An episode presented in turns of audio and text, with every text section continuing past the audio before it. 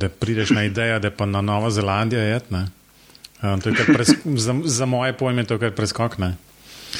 Um, ajde, ja, moj, imamo, zakaj ne Evropa, zakaj ne bi šel v Nemčijo ali pa nekaj, ki bi lahko šel z avtom domov, zakaj jih na drug konec. Ja.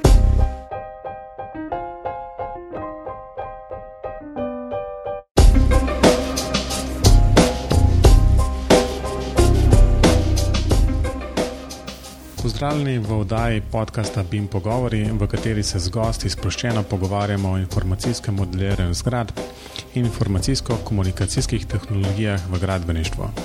V oddaji bomo tokrat govorili o BIM-u na Novi Zelandiji, kako sploh na Novo Zelandijo, kakšno je gradbeništvo na Novi Zelandiji, še marsičem povezano um, z Novo Zelandijo in jasno v oddaji boste zvedeli, zakaj je to tako. Z vami sva. Robert in Mateoš.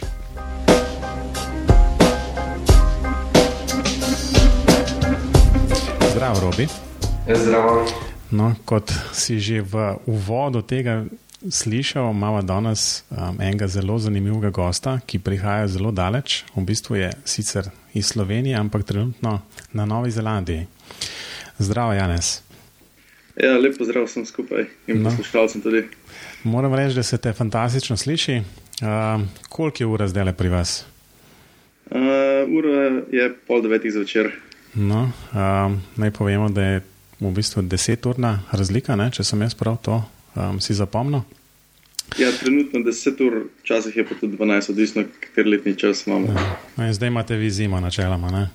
Ja, zdaj je. Tako da za vse tiste, ki, ki jim je vroče, um, jih lahko povabiš na Novo Zelandijo, da jim bo malo prepihal najbrž. Tudi te tudi v Sloveniji nikomu ni vroče.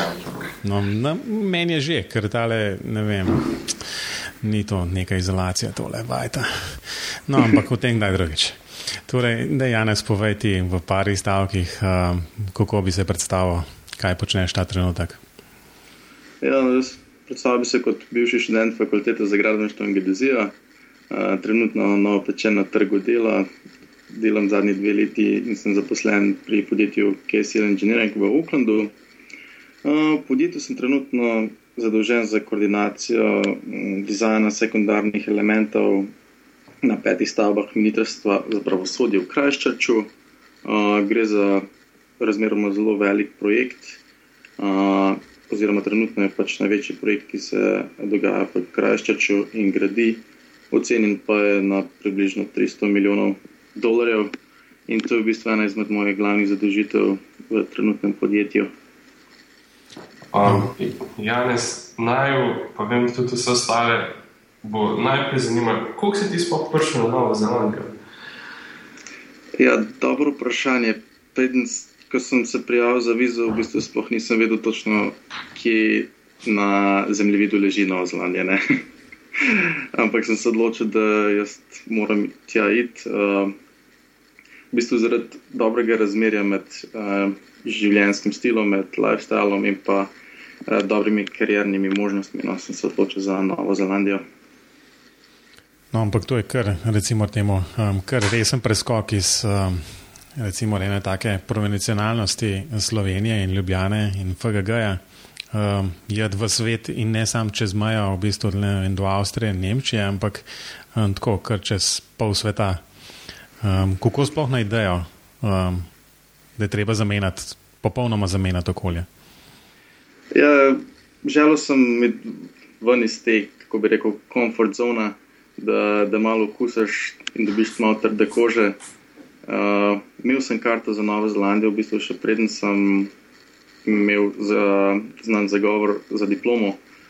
Da, ampak smo na srečo z mentorcem vse to skupaj dobro speljala. V bistvu le teden po diplomi sem sedel na letalu za Auckland, uh, zdaj ima kočkom oblačil in nisem točno vedel, kam se podajam in kakšen bo svet tukaj. No. Um, jaz se spomnim še iz časov, ko si ti prišel na Novo Zelandijo, ker si pač že takrat pisal blog. In je bilo najbolj zanimivo to, da si takrat napisal, da si našel službo tako razmeroma takoj, tako na prvo vrata, ko si potrkal. A je bilo tako? Ja, v bistvu uh, priletel sem v Auckland, pristal sem v petek zvečer. Uh, v ponedeljek zjutraj sem natisnil nekaj uh, življenjepisov in pri prvem podjetju, v bistvu, v katerem sem se oglasil in uh, se predstavil, sem imel tako v naslednjih petih minutah že razgovor za službo. Naslednji dan pa smo v bistvu samo uredili še formalnosti, plačo in tako sem začel lahko delati. Tako da sem v bistvu kar malo presenečen, glede na to, da sem to hitro dobil, ker sem na začetku želel še malo potvati, kakšen mesec, dva, ampak nisem želel uh, več priložnosti strani in sem kar zagravil za delo. Ja, to je, sem, sem hotel komentirati. Ne, ne, najbrž si si predstavljal, da boš najprej malo užival v, v novo pečeni diplomi in se počutil kot zdaj res diplomiran gradbenik. Si boš ogledal najprej Novo Zelandijo in potem pač počas nekaj našel zase. Tako da, ja, ampak je pa sigurno zelo pozitivno, da, da, da v bistvu en tak, um, kar najbrž resen korak, zelo hiter mine in vsaj po tvojih besedah očitno zelo tudi um, brez večjih težav. Ja, no, vse to v bistvu tudi bi rekel, morda bolj izjema kot pravilo.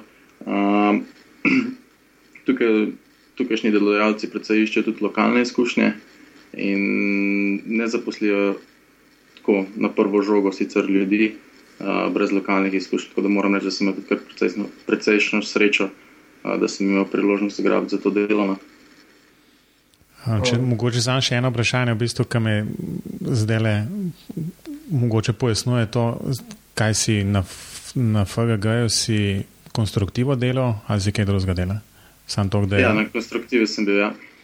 Okay.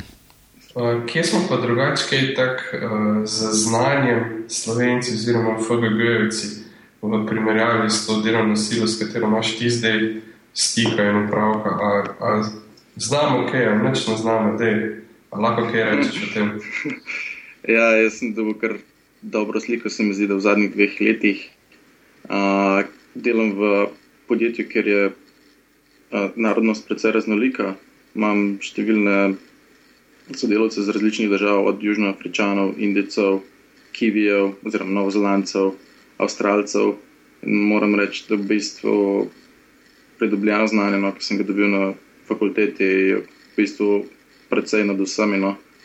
Uh, Preko bi, da smo lahko pariramo na vseh nivojih, mogoče smo na začetku malo zadržani zaradi jezika in tako, ali pa zaradi uh, mentalitete, ker si mislimo, da prihajamo iz majhne države. Ampak, ko enkrat začneš um, govoriti in pa razmišljati o, o idejah, vidiš, da drugi niso nič kaj bolj pametni. No? In jih marsikrat presežeš njihovo razmišljanje in pa znanje. No? Kaj pa tako celo stanje gradbeništva v Novi Zelandiji? Mislim, vem, da boš rekel, da nimaš dosti izkušenj iz prakse v Sloveniji, ampak tako me zanima, tako stanje gradbeništva v Novi Zelandiji. Misliš, da je to nad nivojem v Sloveniji, približno enako, kaj meniš? Ja, trenutno se dogaja velik boom v gradbeništvu na Novi Zelandiji, ampak uh, kar se pa kvalitete gradnje tiče in pa uporabljenih materijalov, pa bi rekel, da smo v Sloveniji pred Novo Zelandijo, ne vem, vsaj tako imamo občutek, no, uh, so predvsej za, morda tako bi rekel, no, na rekovaj za razvitim svetom.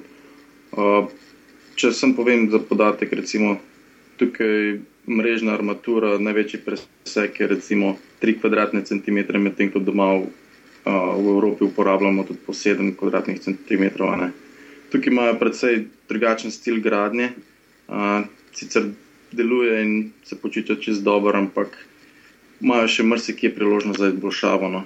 In smo v Evropi, v Evropi smo, bi rekel, da bolj napredni kot pa tukaj. Isto mi je to zanimivo, ko praviš, predvsem glede na to, razpohod za to, če vemo, da zdaj delaš v kraju črča, ki ga je potres v bistvu zdravnal zemljo. Ja, tukaj v kraju črča je kar, kar poseben kraj. Uh, središče mesta je trenutno so pravzaprav samo parkirišča povsod, ker so vse stavbe se so mogli jih porušiti ogromno še stavb, ki čaka na rušenje in res je žerjav pri žerjavu. In tudi enosmerne ulice, vsak teden jih spremenjajo, ker spremenjajo potek prometa, glede na gradnjo okoliških stavb. Um, a je kakšna razlika v bistvu zdaj tle v Evropi? A misliš, da je pač razlika ta glede gradne in uporabljenih materijalov v bistvu taka zgodovinska ali ne vem? Um, Mislim, da so predvsem zato, ker so toliko oddaljeni vsega skupaj in ker morajo vse, veliko stvari morajo uvoziti iz Amerike, Avstralije, Evrope in ker so tolikšni um, uh, čas dobave v bistvu tako velik, da v bistvu uporabljajo materijale, ki, so, um, ki jih lahko dobijo tukaj na Novi Zelandiji, ampak njihova proizvodnja pač še ni na takem nivoju, da bi lahko uh, vse to komponirali. Ja. Zato so predvsej tudi omejeni. Uh, Mrzike je česa, kar uh, predpostaviš, sploh ne dobiš tukaj. Ne? Ja, se v bistvu boš ta naravna bogatstva, ki jih imajo, um, ne vem, um, boš so res omejena. Sem, zanim, mislim, sem pač predno smo tole začeli danes snemati, sem malo pogledal sploh v Nove Zelandiji, um, koliko dejansko prebivalcev ima, koliko je velika v bistvu in vem, za poslušalce. Ja. Um, to je pač nekih 4, 4 milijone pa pol prebivalcev, nekaj tazga, ne? če sem jaz to prav, sploh, ni, prav sploh, videl. ni, sploh ni velik trg Ja. in zato se tudi ne morejo prvoščati, da bi lahko parirali, parirali uh, ostalim državam. Ampak čeprav se ogromno gradi, gradi, ogromno vlaga, ampak po drugi strani so pa predvsej tudi malo omejeni pri vsem skupaj. Uh, Spomnim se tudi to, da si govoril o tem, da so cene nepremičnin nenormalno visoke, sploh v Oaklandu. A je to tudi kaj povezano s tem, uh, z ceno gradnje, pa z surovinami, ali je to bolj uh, zemljišča? Ali... To je pa predvsej poseben pojav tukaj. Uh, vzrok so namreč Azici, ki kupujejo vse po vrsti, dobijo poceni kredite v Aziji, tukaj investirajo v hiše, uh, jih oddajo in v bistvu dobijo več nazaj, kot pač plačujejo kredit, uh, poplačilo kredita v Aziji. To je v bistvu primarni, uh, primarni vzrok, zakaj so nepremičnine tako drage in zakaj si jih novozelanci sploh ne morejo več privoščiti. Pa ni nobenih, uh, mislim, se, se novozelanci nič ne pritožujejo čez ta sistem, ker v Evropi bi verjetno že kak traktor bil pred parlamentom. Je kar, pred, je kar precej negodovanja zdaj. Um, želijo z različnimi ukrepi to omejiti, še posebej, ker razni številni Azici imajo tudi po 10-20 hiš uh, in naslednja preprodaja hiš je v bistvu neobdavčena, tako da so ogromni zaslužki pri tem zraven tudi preteni. No, to je, v bistvu je skratka, tako, to, kar si rekel, najbrž um, potegne lahko za sabo cel kup enih, enih tudi takšnih gradbeniških stvari, glede vzdrževanja vsega tega. Um, Ja, da ja. je očitno velik, velik problem. Ne?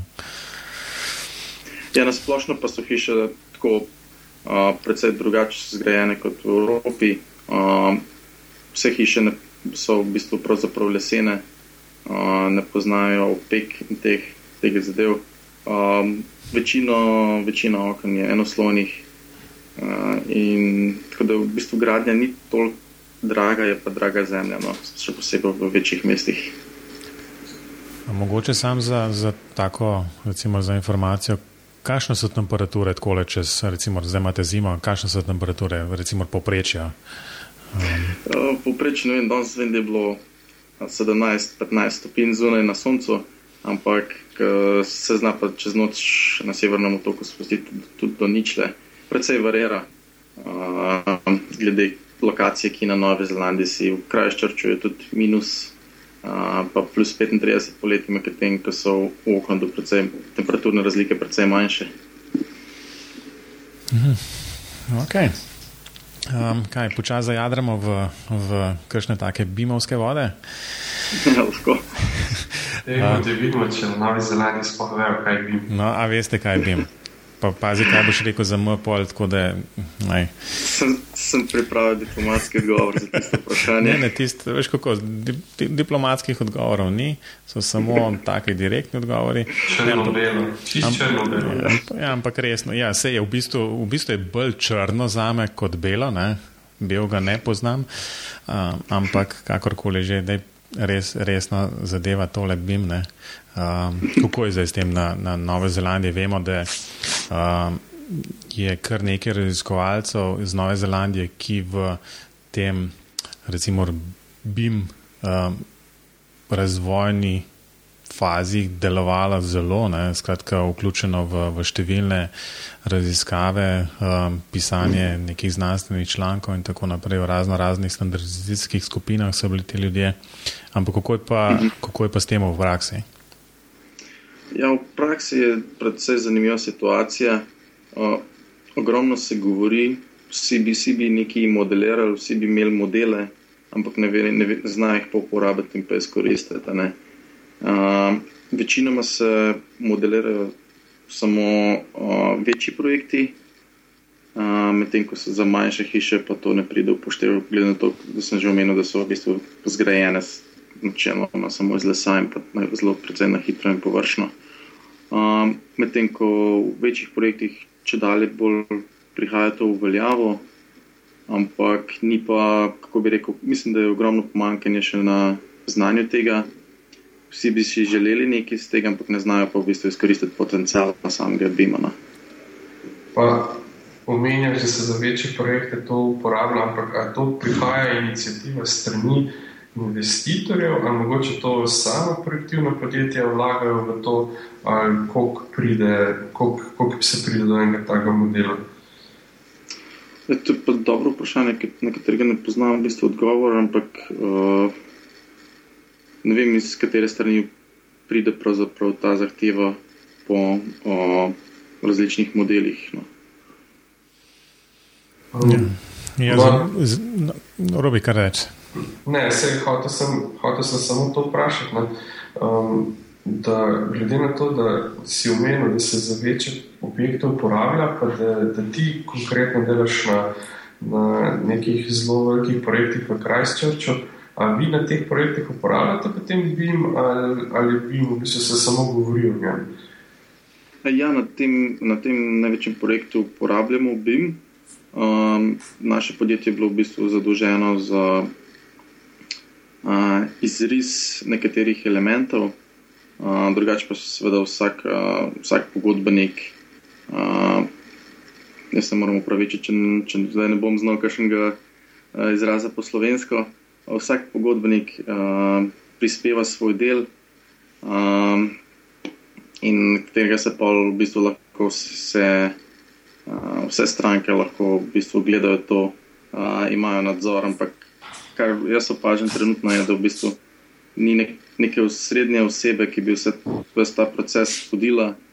Um, vsi dajo nek input, ne znajo pa nekaj iz tega vam pogledati. No. Se pravi, manjka na teh projektih BIM manager. Ja, tako bi rekel, ja, srednja oseba, ki bi to vse skupaj vodila, uh, da bi se sploh vedeli, zakaj se to uporablja, pa kaj se lahko iz tega potegne. Ne, ampak Zdaj, če smo malo bolj precizni, v bistvu, zdaj, a ta model konkretno nastaja z, v fazi načrtovanja, zato da se da dejansko se načrtuje v, kot z BIM, v bistvu, da se dela BIM model ali BIM model, pol tako en privesek zraven, zaradi tega, ker je nekdo rekel, ja, super bi bilo še to imeti, pa se pa v bistvu tiste načrte, ki so izrisani v AutoCAD-u, to pač mal predela v, v nek BIM model, pa se pa reče, ja, smo zdaj imamo pa tudi BIM.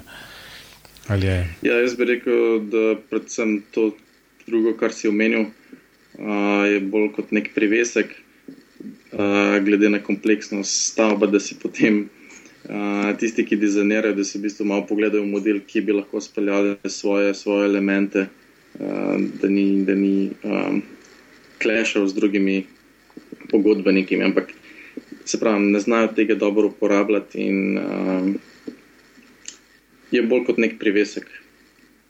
No, sej, to, to je v bistvu, se mi zdi, da v, v številnih, tudi recimo slovenskih projektih je bil tudi recimo, ta način, ne, da, da je v bistvu bilo bolj ali manj vse sprojektirano na en tak bolj klasičen način v slorisi, prerezi in tako naprej, ne, in potem se pa zraven um, zmodeliral še ta BIM model, um, ki se ga je pač uporabljal v določene mere za vizualizacijo um, pa ima pogled, v bistvu, da, da je res v bistvu, da našla nosilna stena čez vrata ali, ali pa kaj podobnega. Ne? Ja, tako recimo zdaj projekt je v bistvu že v polnem, polnem teku, glavna konstrukcija so že vse končane, v bistvu zdaj sem še notranje, um, sekundarni elementi prihajajo noter, ampak BIM, v bistvu model sploh še ni končan in ga sproti na gradbišču, ga sproti urejajo in spreminjajo. Tako da je niti približno še ni bil končan in še ni končan in verjetno ne vem, če bo sploh končan na dan končane gradnje, če lahko po pravici povem. No, vse. Naj zanima, kako se dejansko počne. Ker bi, če bi to zdaj v smeri Mateožovega modela gledali, se vi dejansko zdaj gradite model, ampak to pa ni več od modeliranja. Ampak tako, da, da malo mal se skupaj postavim v kontekst večino projektov, za katere sem jaz slišal, pa to na no, vse zaenkrat se na tak način počne. Mm, ja, podobno tako je. Um, me pa to zanima, no? glede na to, da zdaj gradite bi model. Kaj je pa programska oprema, ki jo uporabljate pri vas? V naši pisarni večinoma uporabljamo Revit. Um, in v Revitu v bistvu vse vnašamo noter, uploadamo model. Um, um, glavnemu temu BIM menedžerju, čeprav tudi on v bistvu, kar se naredi, v bistvu, da federate model od vseh pogodbenikov in potem si ga lahko ogledamo v Navisworksu. Vsak, vsaka oseba si ga lahko potem tam not pogleda. Ne? In se sprehaja po modelu. Se pravi, uporabljate Navisworks za ta referenčni model? Ja, Navisworks uporabljamo za pregledovanje in vizualizacijo, pa tudi potem za, mm, ne znam, sicer prevoda za clash detection. Se, to, je, to je mednarodna beseda, tako, tako vsi tako rečejo. Vsi tako rečejo. Ja. Nimamo poboja, imamo. No, imamo. V bistvu, kaj je to slo, po slovensko zelo lepo? Ne vem. Um, kontrola prebojev? Uh, ne, ni, ni kontrola prebojev. Ni, ni, ne. To je kontrola, ne vem, če se. Hm. Zanimivo. Spet, spet naloga za najo. Spet naloga. Še, še v ne prejšnje nisem naredil, ja, imam že novo. Ja, um, ja clash detection, to, to vsi razumejo. Drugače, Janes, v vašem drugu uporabljate, ali tukaj je izključno Revit? Ne, ne. Uh, Revit v bistvu zelo malo, oziroma samo na teh večjih projektih, kjer je potreben, uh, kjer so vključeni ti BIM, uh, BIM modeli, vse ostalo pa gre preko AutoCAD še vedno. In uh, v bistvu tukaj imamo te čahtije, ki smo se prej pogovarjali, oziroma risarje. Uh, inženir vse skicira, vse armaturo, elemente in potem da predložite načrte draftiju, ki potem izriše načrtano. No, in te skice, to so na roke skice, ali mogoče kar izpisi iz kakih programov za statiko, ali kako je to? Ja, tukaj v bistvu so vse to inženir pripravi ročne skice, um, komentarje, um, vse dolžine, um, kako bi rekel, left length, uh, pa vse te uh, radije, armature in to mora v bistvu vse inženir predpostaviti in dati um, draftjem, da to zrišajo. Odvisno zdaj, koliko so, te, uh, so ta podjetja napredna, nekatere imajo zelo dobre knjižnice in inženir ne rabi veliko instrukcij, da temu draftijo oziroma risarijo. Tako da on v bistvu sam povleče elemente in može vse samo zakrivimo armaturo, poda um, dolžine in podobne zadeve. Ampak vse je še precej na, na tem nivoju, da mora inženir vse narediti, medtem ko risar praktično ne rabi nič razmišljati uh, in samo izrisuje črte. Tako da tudi ni v bistvu posebnega profila uh, pri izobrazbi za to in je bolj v bistvu samo inicijativno lahko postaneš risar. Se pravi, samo znanje. Predvsem drugače. Ja. Samo znanje AutoCAD in gremo. Tako je, ja, predvsej, dru, eh, predvsej drugače, kot je bilo pri nas včasih, kjer se dejansko mora imeti neko podlago, da se lahko um, razume ozadje vsega skupaj. Um, dotaknil si se, dotaknil si tudi izobraževanja, mogoče. Okay, imaš kakšne informacije, kako je z tem, z BIM-om in um, podobnimi stvarmi, um, pač na Novi Zelandiji? Um, ja, mislim, da tega se posebej naučijo.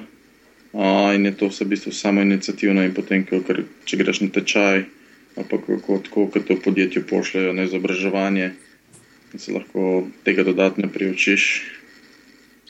Drugače pa na fakultetah in pa na, m, mm, kot so pri nas višje in pa visoke šole, se tega ne učijo. Ne. Vse je zanimivo. No. V bistvu prej smo se pogovarjali, pač pa so omenil kolega, ki je v Avstraliji. In pač oh, njegov, ja, v Avstraliji. Um, no, njegova žena dejansko dela v eni gradbeni firmi, pa ni gradbenica ampak ona tam prodaja čez in te stvari. In ko sta bila, ne vem, leto pa pol nazaj v Sloveniji, smo se pač malo debata, jasno, spet obimo in gor in dol. In tam tudi oni nič, um, nič obimo, vsaj leto, leto nazaj, ne. Um, pa v bistvu imajo ogromne, ogromna pač naročila nekih um, stavb, nekih vrstnih hiš in tako naprej, ker bi človek mislil, da ja, to bo tako, tako enkrat ubimo noter in potem sam copy pastajo. Um, in ne, to je že zmeri AutoCAD, um, pa v AutoCAD-u popravijo tisto steno um, in, ja, ja, in neč drugega v bistvu, tako da je zelo zanimivo. No? Ogromno tega je ja, in potem. Um, je tudi precej pomankanja tega cross-referencinga. Recimo, ko se nekje, um, nekje pokažeš nek preseg, pa se potem ta ne update druge. Tako da se precej na osnovnem nivoju, tudi Revit uporabljajo precej na osnovnem nivoju, v bistvu kot da bi imel drugačen avto, ker jim samo izrisujejo. Uh, Predvsej pomankanje tega izobraževanja, da bi nekdo res obvladal Revit, in tudi pomank, ogromno pomankanje kadra na Novi Zelandiji, je nekoga z dobrim znanjem revitano. Zdaj, veliko meniš Revit, kar je avtodeskov produkt. Verjetno zato, ker, ker Nova Zelandija bolj se naslanja na ameriški kot na evropski trg. Recimo. Na Novi Zelandiji verjetno še nisi srečal v praksi kakšnih teh evropskih programov, tipa Archicad, Allplan, Sophistic, tega verjetno ni. Ne? Um, ja, arhitekti razmeroma uporabljajo Arhicad, uh, v projektantskih birojih pa um, načeloma samo Revit, vsaj kar je, imam jaz izkušeno. Kaj pa ena druga, ena druga tema? Glede na to, da omenjaš te pomagljive načrte in da še vedno, vedno večinoma delajo v AutoCAD, kakšna pa potem kaj kvaliteta gradnje? če ne greš na te večje projekte, na te manjše, ker po neki logiki bi potem ti manjši projekti morali biti še slabše vodeni, pa še slabše dokumentirani. Ja, je kar sicer nimam izkušen s Slovenijo, ampak um, se kar precej potiš na gradbišču, uh, ko vidiš, kaj je v bistvu zrisano in ki ne sledijo s tvojim načrtom. Uh, tako da je kar precej nevšečnosti.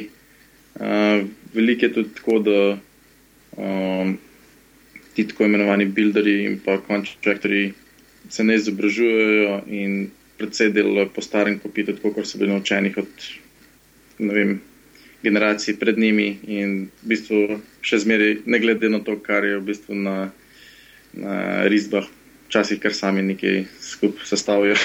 Aha, to je tako, točno tako kot v Sloveniji. Zelo podobno. To je svetovni fenomen. V bistvu, ja. potem, Očitno so se kar nalezili med sabo. Ja. To je res fenomenalno. V bistvu. Ja. te, te tipe hiš, uh, ki jih omenjaš, pa za te enoobčinske hiše, to so verjetno bolj skeletne gradnje, ali so prav montažne? Ne, to, to je vse les. To greš v trgovino, kupaš vem, par plohov in začnejo to skupaj zidati. Mislim, da lahko vsak posameznik tukaj zgradi si svojo hišo. Eh, kar je precej, precej smešno. No. Jaz si tega nisem znal predstavljati, zato mi je tudi precej zanimivo tukaj. Se pravi, to je pač tisto klasično. leseni okviri, verjetno brez vsakega zavetrovanja, potem pa ga lepo OSB plošče in to je njihov dom. Ja, ja, točno tako, kot si rekel. Uh, vse imajo iz teh uh, plasterboardov, to so pač te OSB plošče, se mi zdi. In vse je bolj tako še labajzarsko narejeno, uh, nobene izolacije, nobene zvočne izolacije. Jaz lahko cimre slišim tako v sosedno sobo, ki se pogovarjajo včasih. Težko si predstavljati, no, dokler naenkrat ne izkusiš tega. To je tako kot ameriški moteli. Ja, ja, ja. ja, iz, po izkušnjah, oziroma po pripovedovanju, ki sem ga zdaj slišal, dejansko ameriški moteli dejansko asociirajo na tole. 5 cm špranja v vratih. No, no lej, špranja je tudi na zelo dobrih, uh, večjih objektih. Uh, se spomniš, morda, ko je pred časom bila um, na eni veliki stavbi, v kateri sva mi dva vsak dan skoraj, uh, so menjala okna. Se spomnim. No, no, jaz sem skoraj pri, pri oknu, jaz sem takrat bil v četrtem nadstropju, uh, ker sem delal doktorat. No, tam pri tistem oknu je bila, ne vem, 3-4 cm luknja, um, dol sem videl na parkirišče, um, noben se ni sekiral. Vsaj kakšno leto pa pa v bistvu tako, da tvoje letvice so bile uh, fenomenalne, v bistvu nisi imel večjih pretresov, jaz sem skoraj noter padel v tisto luknjo, ne. tako da pa je bilo kar nekaj časa tam. Ne. Da, ja. Ja, tukaj, a, so prosti, ki sem prekinil, ampak tukaj na Novi Zelandiji edini, ki vodijo uh, tale, kako bi rekel, napredek naprej, so v bistvu um, Evropejci ali pa Novozelandci, ki so nekaj časa živeli v tujini in so izkusili v bistvu vse dobrote in pa normalno, uh, normalen okoliš. In ti, ki pridejo z znanjem nazaj, v bistvu začnejo pol to, um, kako bi rekel. Um, Saj, ne, znam, ne znam slovensko povedati, ampak um, Kaj je angliško? Drive it. Yeah, they're driving their uh, design. Aha. Uh, kaj razvijajo naprej projekte? Ja. Uh, ja, ja, ja. Ko oni pridejo z znanjem nazaj in potem ga ufurajo v to noter. To je, ja, ne, ne, robi, kar povej, kar povej. Ne, hotel sem, hotel sem reči, da Janes je zdaj razložil par stvari, da sem jih sam v glavi si takoj ustvaril uh, eno tako predstavo, ne, da imaš ogromno možnosti, da se greš v biznis na Novi Zelandiji. Ne. Ker en, eden, od, eden od takih poslovnih modelov bi lahko bil, da pripelješ kvalitetno gradnjo. Misliš, da bi bilo to? To je definitivno. Velik, ima velik potencial, ampak problem je v samih Novozelandcih, ki niso zainteresirani v to, da bi, da bi to nadgradili in oni raje zmrzujejo v svojih hišah in se ne sekirajo za to. Za primer, vem, a, a, na južnem otoku v Dunidnu, kjer je veliko študentsko naselje, po zim se študentje zjutraj zbudijo z zmrznjenimi ovrvmi in tako naprej v svojih sobah. To imajo mrzlo, ampak njih to ne gane. Oni, oni sam rečejo, tough enough in to je to. Dobro je. Dobre, dobre. Kaj, kaj pa nasploh delovna sila, sploh v gradbišču, že prej sem nekaj omenil, da je veliko pomankanje, a, a še vedno je tako, kot je bilo dve leti nazaj, ko si ti prišel na Novo Zelandijo, ali se to kaj spreminja zdaj? Ne, še zmer velja kar ogromno pomankanje delovne sile, uh, predvsej, uh, predvsej tudi na račun Krajščarča, ker mislim, da dela ne bo zmanjkalo še vsaj 10-15 let glede na to, kar želijo vse zgraditi. Uh, in res je ogromna potreba po delovcih, še posebej kvalitetnih in pa na um, izkušenejših, na senior levelu. Uh, Marsikje v kažem podjetju se trudijo po več mesecev, da bi koga not pripeljali, da bi pisali pogodbo z njim, ampak je praktično nemogoče. Uh, Cimra uh, dela v zaposlitveni agenciji in mislim, da so se štiri mesece so se trudili za eno pozicijo in so se odločili, da nikoli več ne bodo šli uh, iskati pozicije za, gradben, za gradbenega inženirja, ker je enostavno pretežko najdete in ni efektivno. Pa tudi iz tujine ne morejo dobiti, ali, ali je to tako, kot si prej omenil, da želijo podjetja bolj delovno silo z lokalnim, lokalnim znanjem? Mm, podjetje želijo delovno silo z lokalnim znanjem, ampak v bistvu, če imaš eno leto pa dve izkušenj, si v bistvu že njihov. Um, si pa tudi želijo predvsej tujih, ampak enostavno jih ni zadobitno. Um, ni dovolj priliva delavcev, da bi lahko zadovoljili vse potrebe. Zanimivo. Ja. Um, kaj, imamo še kaj narediti za BIM na BIM? Ja, to je bilo še kaj malo. Še, še kaj pojamramo? ne, meni je zanimivo to, no, ker uh, jaz sem pričakoval, da bo Janes, ker sem vedel, da dela na teh velikih projektih v Krajščerču in ker sem mislil, da te, te projekte v bistvu financira verjetno nova zelandska vlada. Ja, t, t, to je Ministrstvo za pravosodje, stavbe Ministrstvo za pravosodje in to je financirano strani države. Um, ta pogodbenik, ki v bistvu upravlja z manjšimi pogodbeniki, so tudi največji na Novi Zelandiji, ampak so tudi sami so v bistvu, um, kako bi rekel, podhranjeni v, v številu zaposlenih in je težko vse to, vse to voditi in imajo precej resne težave uh, vse skupaj koordinirati. No, sprašujem zato, ker v Evropi promo, je promocija BIM, oziroma promovirajo BIM predvsem uh, tisti, tiste investicije, oziroma tisti investitorji, ki upravljajo z javnim denarjem. Ne? Recimo, če, če bi v Evropi bilo, ne vem, Evropska komisija, da bi kaj investirala, bi verjetno zdaj zahtevala BIM. Zato mi je zanimivo, da je novi zaradi tega. Ne? Um, pa še druga stvar je, ali misliš, da je možno, da je prav to pomankanje delovne sile tudi eden od razlogov, zakaj se v BIM-u ne, ne govori, ker imate že tako si dosti delati brez BIM-a? Ja, zagotovo ne. Um, nihče se potem ne želi s, s tem še dodatno ukvarjati in obremenjevati. Vsak to vidi kot dodatno obremenitev in želi posel najhitreje upraviti. Um, tako kot je bil vajen včasih, in se nima več časa, včasih niti prilagajati, še posebej ta manjša podjetja, um, imajo dovolj, dovolj dela, da, da preživijo in uspešno delajo tudi brez bima. Ne? Ja, se škoda, to je pač vedno, vedno je problem, ko pride neko tako, recimo, um, velika investicija v neko infrastrukturo. Um, ponovadi zmeri zmanjka časa za, za nek tak trezen razmislek, kaj bi se dal ob tem še doseči, uh, tako malo širše.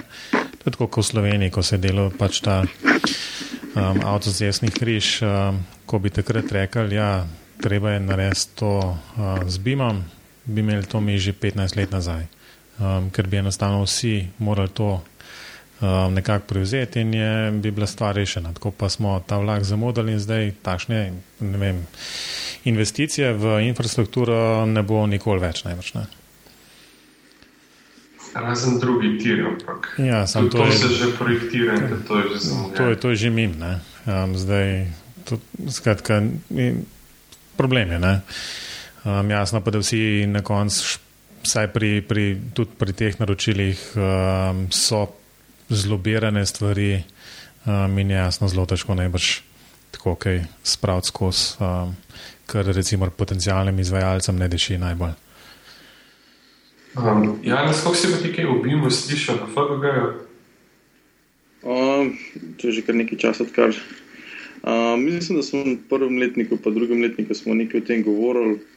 Um, Potem nekaj kasneje smo tudi uh, izvajali nekaj tečajev za Allplan, ampak sam, sam pa nisem veliko no, prisostvoval in veliko pozornosti temu posvečal. Snil sem nekaj tutorialov, da sem se učil malo arhikeda, ampak kaj več od tega mi pa žal ni uspel časovno se uskladiti. Kdaj si ti diplomiral? Ti si diplomiral 2013, 2012? 2014, 2014. Aha, 2014, pa da nisi veliko slišal, bi bilo zanimivo. Vem, da smo govorili neki, um, ampak takrat vem, da nisem še znal čisto točno predstavljati, kaj točno sploh to pomeni. Um, imel sem neko osnovno sliko, ampak nisem vedel, kako bi to sploh izkoristil, oziroma zakaj bi se lahko to uporabljalo in kakšno prednost bi lahko pridobil z tega. No. Tako te, te slike nisem imel dobro v glavi, predstav, te predstave.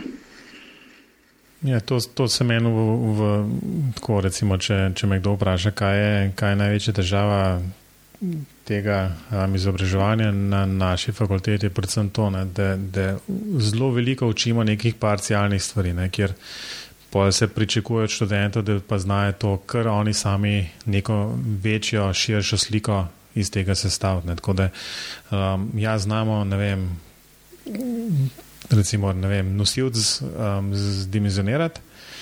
Da bi pa v mm. bistvu nekdo ti rekel, da okay, je zdaj pa celo stavbo zdimenzioniral, oziroma pač narediti celotno zadevo pa sploh ne veš, kje je celoto. Zato, ker pač pod nosilcem imaš, ok, imaš ta, take le so obremenitve, tole so osne sile, tole so prečne sile in zdaj zračuni. Ne? In to znamo vsi, vsi narediti. Takrat, ko si bo dobo, vsaj jaz se spomnim, jaz sem bil na konstruktivi, smo, sem bil na, na jeklo. Um, in je bilo treba tam halo in most zdimenzionirati in narisati od A do Ž, od temelja do gor. Jasno, mm. ko sem to prvič videl, sem rekel, pa sploh ne vem, kje naj se lotam. Ja, ja, jaz sem zato mi bil na zadnjem letniku predmet računalniško projektiranje konstrukcije, mi je bil v bistvu najbolj pri srcu, ker smo šli v bistvu celo stavbo čez in lepo postopoma si sploh spoznal, kako se vsega skupaj lotiti, ker prej nisem imel prave predstave. Ja, tako no, tak. so te projekte delali v BIM-u, samo tako. No, to, to, je zelo, to je zelo dobro, se mi zdi, da, da se drži uh, v koraku s časom in da se tudi uh, dejansko študentje uh, spoznavajo v točni meri s tem, da, da znajo to tudi sami uporabljati, ne da sem vejo, da to obstaja. Ok. Um, gremo malo naprej, raj. Ker smo drugače bomo uro pa pol govorili.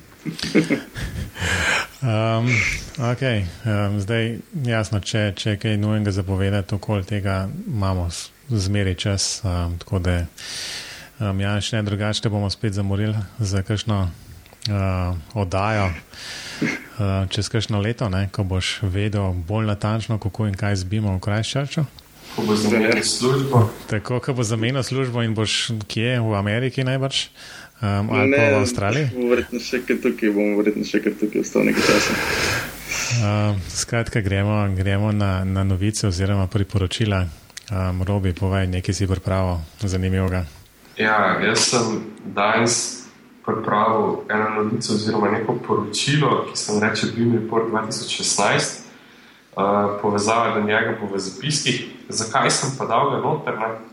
Pa zato, ker čeprav mi skozi govorimo o BIM-u, pa ko smo govorili, da bi z aprilom morali biti vse javne investicije v Veliki Britaniji vodene z BIM-om in podobno, ne? je bila prav aprila 2016 objavljena raziskava, ki pravi, da 42% uh, vprašanih je, v bistvu, je da je že slišal za BIM, ampak sploh ni vedel, kaj to je. Ne, 4% je bilo pa celo takih, ki niso niti vedeli za BIM, niti ne vejo, zakaj bi ga uporabljali. Uh, no, in še en podatek mi je bil zanimiv iz tega poročila, to je to, da 65% vseh, ki je odgovorilo na vprašanje, uh, je mnenja, da BIM še ni dovolj standardiziran. Tako da, glede na najne prejšnje goste, um, mislim, da, da je še nekaj dela potrebnega, sploh na standardizaciji BIM. Očitno ta Open BIM še ni, še ni dovolj velikega zaupanja končnih uporabnikov. Ja, tle, mogoče samo en komentar. Po, vem, po mojem, sem kdaj že omenil. Um, bil sem na eni predstavitvi, to po mojem, leta 2004 ali kaj podobnega v Londonu ko so govorili o, o načrtovanju novega terminala, hitro.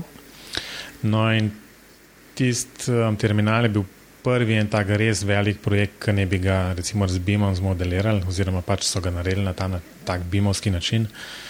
No, in um, cel kup zanimivosti iz tistega projekta je, ampak to kdaj, za kdaj drugič, ampak morda z, v kontekstu tega, pa OpenBIM-a, tam so dejansko vnaprej definirali točno programe, ki jih je možno uporabljati, ampak ne program samo v smislu, ja, Revit, um, pa ne vem, Solibri ali kaj podobnega, ne? ampak um, točno verzija z vsemi plagini.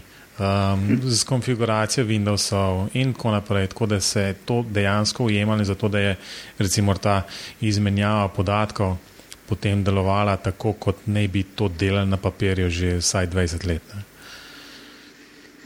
Da, ja, najbrž nas še zelo velik dela čaka na, na področju standardizacije teh zapisov. Um, Janes, imamo kaj? Kaj lahko rečeš? ja, posebej se nisem uh, pripravil na ta priporočila. Uh, kot smo se prej pogovarjali, so lahko razno razno, ni nujno, da so ravno povezavi z BIM-om. Tako da mogoče, če kakšnega, ki posebej zanima glede dela in gradbeništva na Novi Zelandiji, me lahko posebej kontaktira in uh, lahko tudi kaj dodatno uh, razložim, priporočim in pa kako je v bistvu z delom v tujini in kako se odpraviti na vse, vse skupaj.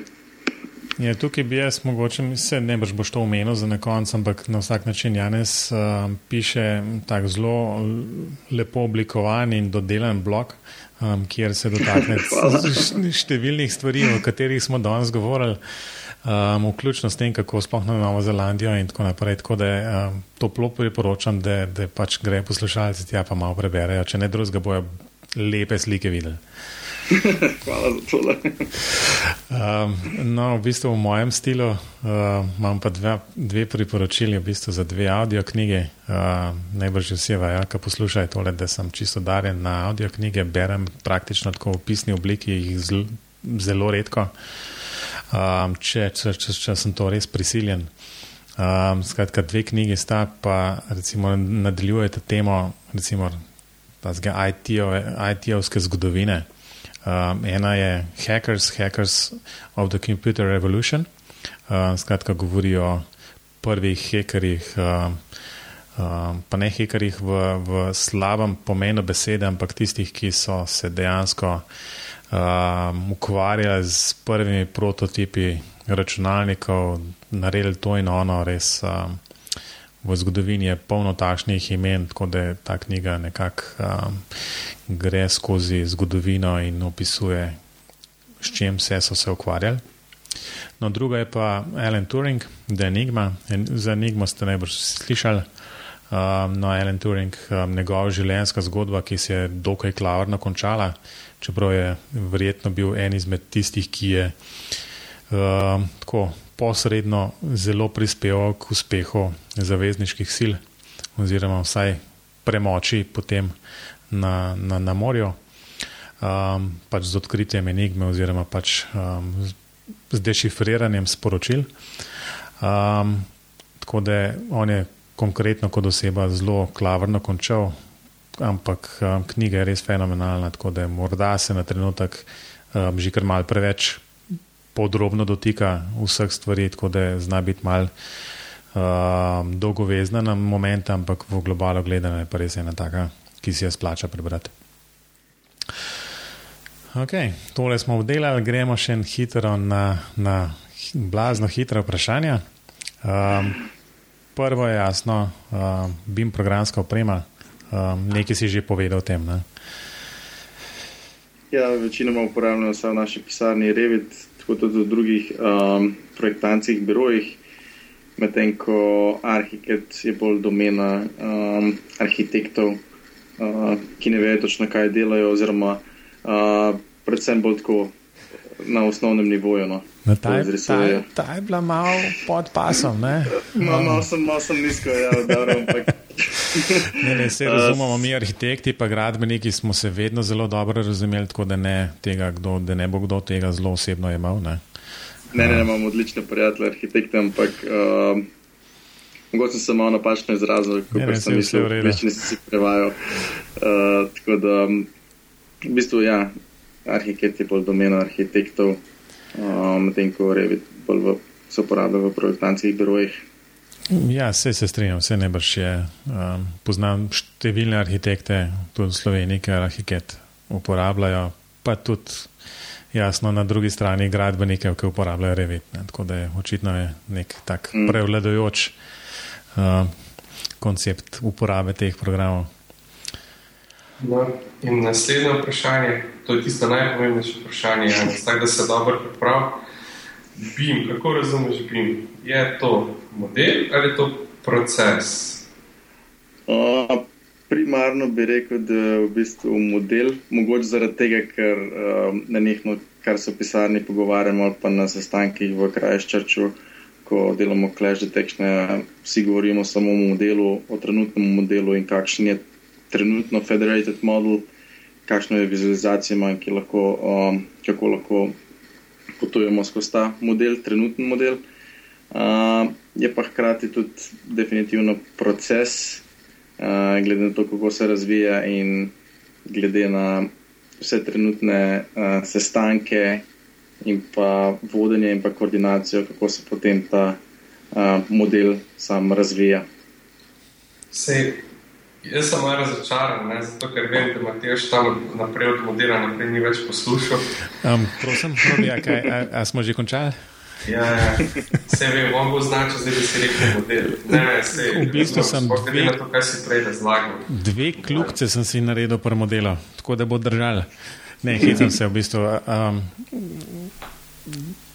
se ne boš, je tako kot z vsemi. Um, na vsak način se vsi zavedamo, da je to da je to nek proces.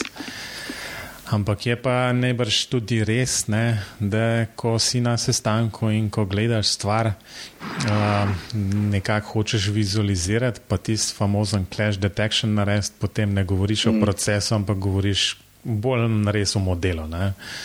Tako da, povej, Janes, kam dan klokca resno? Jaz bi mogoče dal, ja, kot sem rekel, primarno modelu. Uh, Super. Tiste, ko, boš, ko boš v Sloveniji spet poklič, da gremo na kavo častim. Um, Enako kot so glasno na Novi Zelandiji. No, to je malo težje, čeprav v bistvu zdaj, pač, kot, kot rečeno, kolege imamo v Avstraliji, tako da dobro, to je še malo dlje. Um, ampak, če če si že na tistem koncu, potem skočiš še do Nove Zelandije. Ne? Še eno finek zraven. Ja, to je tako malo, tako malo za popoldne, v bistvu, ker ne veš, kam sam sebe, da greš pa malo na Novo Zelandijo. Ja, tam, to sem tam zavogal. Ja, vse to je zavogalamo, v bistvu. no, še, še zadnje vprašanje, hitro. Uh, OpenBeam, oziroma pač uporaba teh standardov za prenos uh, podatkov in uporaba različnih programov. Um, kaj praviš? Mm. Je to nekaj, kar se splača res kot trdo delati na tem, ali je, bomo rekli, se bomo vdali v sodo in rekli, da to ne gre? Ja, jaz bi rekel, da OpenBeam bi mogel nekako postati uh, kot nekakšen temelj za vse skupaj, ker drugače bodo podjetja preveč vlekla niti na svojo stran in uh, se na koncu ne bo pač ni čist ciljno za vsega skupaj in bodo preveč vsi na svojih bregovih stalno. To je moje osebno mnenje, zdaj pa ne vem. Mislim, da je to podobno kot ga imaš ti, Mateoš. Ja, sej, mi tle, tle se, mislim, da se kar vsi trije strinjamo. Ne, da, mm. um, da, da, nekak, mislim, da smo kar enakam. Ne? Ja. Sej, ampak v bistvu, je, v bistvu je pa tako, ne, če sam še komentar zraven dam, pa na robi rekel spet, da preveč govorim. Um, um, v bistvu škoda je samo to, da, da ko rečemo, že ja, smo za OpenBeam, pa je treba zmerno še en stavek zraven dodati. Um, v smislu, da ja, se bo boljš, kot je ta trenutek, um, in tako naprej. Ne. Tako da, yeah. Ja. um, če zmeraj rabaš neki, neki, neki tasga, um, da, da se res potrudiš, no. da ta OpenBeam mm. dela, da to ni kar samo po sebi umevno, um, čeprav bi recimo po toliko in toliko letih razvoja teh standardov, um, bi to skoraj človek pričakoval. Um, v redu, dajmo počasi zapeljati tole oddajo proti koncu. Um, Janes, kje te lahko poslušalci najdejo um, na internetu? Ja, kot si že samo omenil, uh, pišem blog uh, mikec.si, kjer me lahko um, poslušalci najdejo sicer pa prek e-maila ali Twitter, LinkedIn, akonta, kjerkoli, sem kar precej prisoten, se mi zdi. Robi, reci. Ja, me poslušalci lahko še vedno kontaktirajo na robert.afnaklinc.net.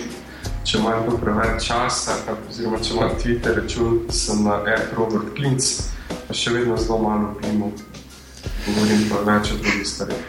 Um. Kaj pa ti, Matej? No, jaz pa v bistvu tako kot vedno najlažje, kar na spletno stran mateoždolens.com, um, tam so ostali linki. Um, za konec še enkrat um, hvala Janezu za čas. Um, Bim pogovore najdete um, tudi na spletu, Facebooku in Twitterju. Um, linki so običajni. Um, na spletni strani najdete jasno tudi povezave do oziroma informacije o tem, kako se na podcast naročite. Tako da vsem tistim, ki podcast oddaje, bi pa govorili, poslušate tako, da greste na spletno stran in potem tam kliknete in poslušate oddaje na internetu. Prosim, naročite se, vedno pomaga. Z robijem se zelo vesela, če število naročnikov na, na BIM pogovore raste. Um, skratka, za konec Hvala Janezu, hvala Robiju, um, lep pozdrav vsem. Ja, lep pozdrav, hvala za povabilo še enkrat in upam, da, da bodo poslušalci kaj odnesli tega pogovora. Verjamem, da bo. Lep pozdrav obema. Ja.